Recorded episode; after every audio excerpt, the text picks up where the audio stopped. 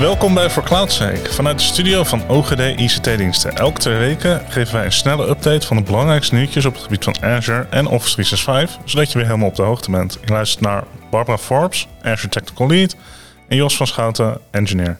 Laten we beginnen. Ja, er zijn een hoop uh, dingen aangekondigd de afgelopen twee weken. Het is best een leuke, uh, leuke periode. Ja, veel nieuws. Ja, er waren best leuke dingen tussen. En ook wel uh, opvallende dingen. Ja, daar had jij er eentje van gevonden.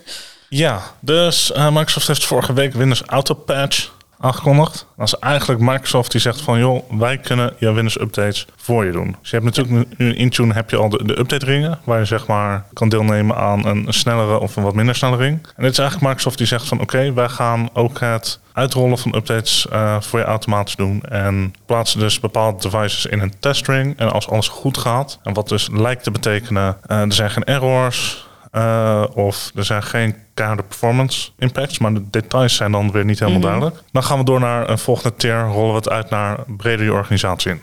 Ja, want uh, nou ja, de, de Windows-update is natuurlijk een uh, eeuwenoud probleem. Van ja, je moet helemaal up-to-date blijven, maar er gaat ook nog wel eens iets mis. Zeker met custom applicaties. Dus uh, ja, iedere IT-omgeving kent dat. Maar dan is de vraag van waar verschilt dit van de andere opties? Maar dat lijkt te zijn dat het veel meer zelf doet, hè?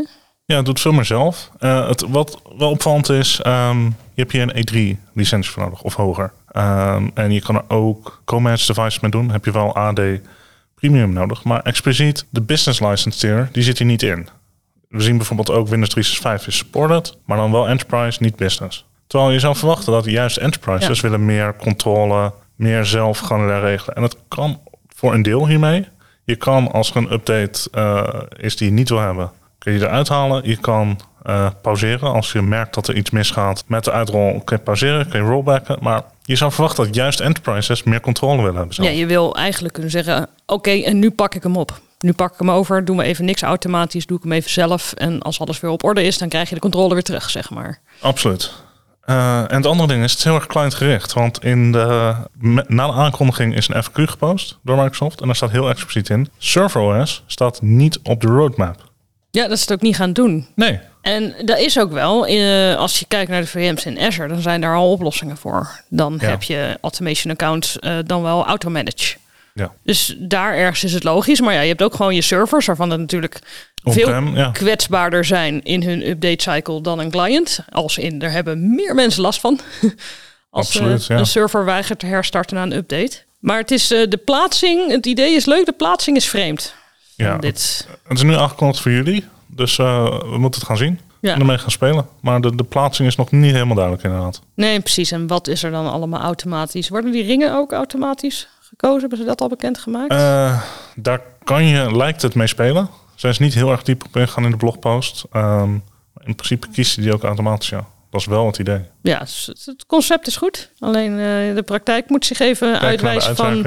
Wat is de use case? Wie ja, wordt hier gelukkig zeker. van? Ja, zet het allemaal even in de show notes, de blogposts en de FAQ's, zodat mensen zelf ook uh, kunnen kijken wat zij ervan vinden. Ja, en dan hadden we het net over, uh, noemde ik al even Windows 365. Daar heb ik ook een ander nieuwtje over. Uh, dat hebben we natuurlijk een paar podcasts geleden is dat live gegaan. Nou, alweer. best lang geleden, ja. Best lang geleden. We, al, we, we gaan, dat was in augustus volgens mij, dat Windows 365 werd aangekondigd. Of in juli zelfs, het was in, tijdens Inspire. Ja, oh ja, langer geleden dan ik in mijn hoofd heb. Langer geleden dan een paar podcasts, ja. Zeker. Daar is nu een aankondiging gedaan voor dat cloud uh, PC point-in-time restores mogelijk zijn. 10 restores zijn er beschikbaar. Je kan zelf de interval kiezen. Kleinste intervals elke 4 uur. Grootste intervals elke 24 uur. En dan kan je dus, uh, als je lokale dingen hebt op je Windows 365 Cloud PC, kan die vrij makkelijk restoren. En die mogelijkheid zat er dus nog niet in. Dat is zeker handig. Want ja, we vertellen mensen: zet alsjeblieft alles op je OneDrive. Maar dat gebeurt in de praktijk niet altijd. Nee, dat is best wel veel werk natuurlijk om dan weer te reconfigureren.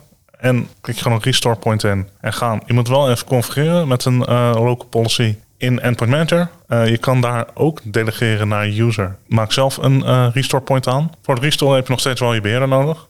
Ja. En je kan het maken van de backup dus quote kan je delegaten naar user. Super handig. Ja, afgezien van het, uh, Hoe, we kunnen discussiëren over hoe nodig het is, want we hebben OneDrive. Maar de gevoelskwestie zal hier ook in meespelen. Het was zeker ook een veelgevraagd feature. Ja, en ze zijn sowieso leuk aan de weg gaan timmeren met dat uh, Windows 365. Daar kwam ook een uh, blogpost uit, uh, nog wel op het dit zijn onze plannen voor de toekomst niveau. Dus heel weinig concreet.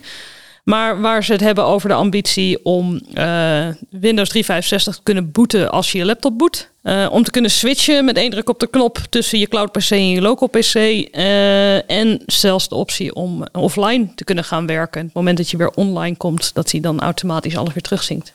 Oh ja, maar dan voelt het ook echt meer als je lokale PC. Ja, precies. En dat, als dat ze lukt, dan heb je wel een heel erg groot verschil met de huidige remote desktop oplossingen. Absoluut. Dus, uh, maar ja, dat, uh, het is zo'n uh, zo'n blogpost van dit is onze visie. Dus ja, het kan nog even duren. we zullen ze allebei ook linken, ook die blogpost. En, ja, mooi.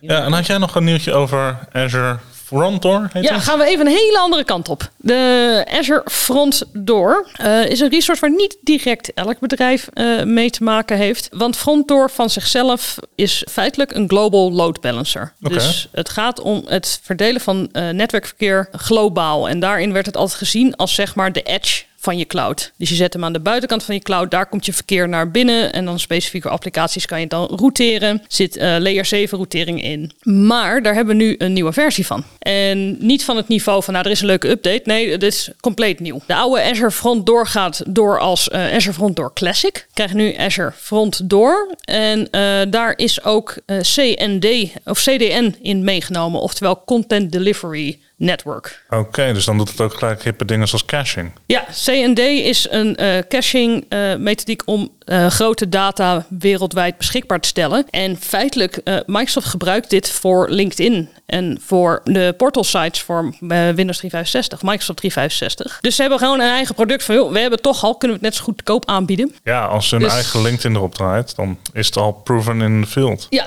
dus, dus dat zat apart en dat hebben ze nu bij elkaar gebracht. En als je dan nog denkt van, nou, we missen nog een stukje, is er ook nog een combinatie met uh, de Web Application Firewall gemaakt. Oké, maar dat is dan eigenlijk drie producten in één. Dus je ja. hebt niet meer. Uh... Dus wat uh, Azure Front Door nu doet, je hebt twee tiers, je hebt standard en premium. de standard tier die doet dus de caching gedeelte wat ze de CDN deed. Uh, die doet de site acceleration, die doet load balancing en die layer 7 routing. Uh, en daarna analyses van dat verkeer uiteraard, zodat je goed bij kan houden. En als je premium neemt, krijg je daarbij de functionaliteit van Web Application Firewall. Dus uh, threat intelligence en ja, de Web Application Firewall zelf. en security maatregelen. Ja, dat was wel dusdanig dat ik wel snap dat ze zeggen, oké, dit oude ding, dat is nu classic. Ja, dus dit is de nieuwe manier. Frontdoor en CDN zijn nu terug naar Classic gezet. Overigens met uh, waar zij beloven uh, seamless migratiepaden, zeg maar. Maar je mag het nog wel gewoon blijven gebruiken. Ze blijven het ook supporten. Uh, Web Application Firewall bestaat nog wel op zichzelf. Maar ja, die kunnen allemaal in één. En voor sommige bedrijven kan een frontdoor best wel ver van je bedshow voelen. Omdat het inderdaad heel erg op dat globale gericht is. Best wel groot. En het had een heel ingewikkeld prijsmodel. Was dan moest je betalen per regel en per verkeer die kant en per dat en dat. Nou, als je dat in de kostcalculator invoerde, dan moest je zoveel gegevens hebben. Dus het was moeilijk om in te schatten. En dat hebben ze ook flink versoepeld. In de praktijk zit je nu van, uh, je moet invullen van, uh, je betaalt een basisbedrag. En dan kan je kijken van, oké, hoeveel verkeer gaat er overheen? En uh, hoeveel aanvragen zijn er? Dus je hoeft niet meer per regel, dat soort dingen. En naar wat het leek in de basis, zoals die uit de calculator komt, is dat ook relatief best goedkoop. Goedkoper dan ik zelf had verwacht, zeg maar. Ja, dat is mooi. Dus ja. reden genoeg om er eens mee te gaan spelen. Wat zijn nu je opties in de nieuwe versie van Frontdoor? Ja, nou zeker. Uh, ik denk dat de meeste grotere bedrijven er wel mee bekend zijn. Maar de kleinere bedrijven voor wie het nog een beetje ver van de bedshow voelde. Die misschien, uh, ik denk dat we eerder dan geneigd zijn om naar een uh, web application gateway te kijken. Ja. Maar dan is dit misschien wel eens te overwegen of dit ook een optie is ergens in het grote geheel. Absoluut. En mooi. Ja, dus nou, dat is een hele andere dan die eerste twee. Maar ja, wat zei het waren leuke weken. Het zijn wel leuke aankondigingen. Dus hopen volgende week weer. ja wat uh, leuke nieuwe dingen in plaats van alleen maar dit is geüpdate. Ja, precies. We blijven het nieuws in de gaten houden in ieder geval. Yes. En hiermee sluiten wij deze aflevering van For Cloud Sake af. Over twee weken zijn wij terug met een nieuwe uitzending. Wil je nou meer informatie over de besproken onderwerpen? Kijk dan naar de links in de show notes.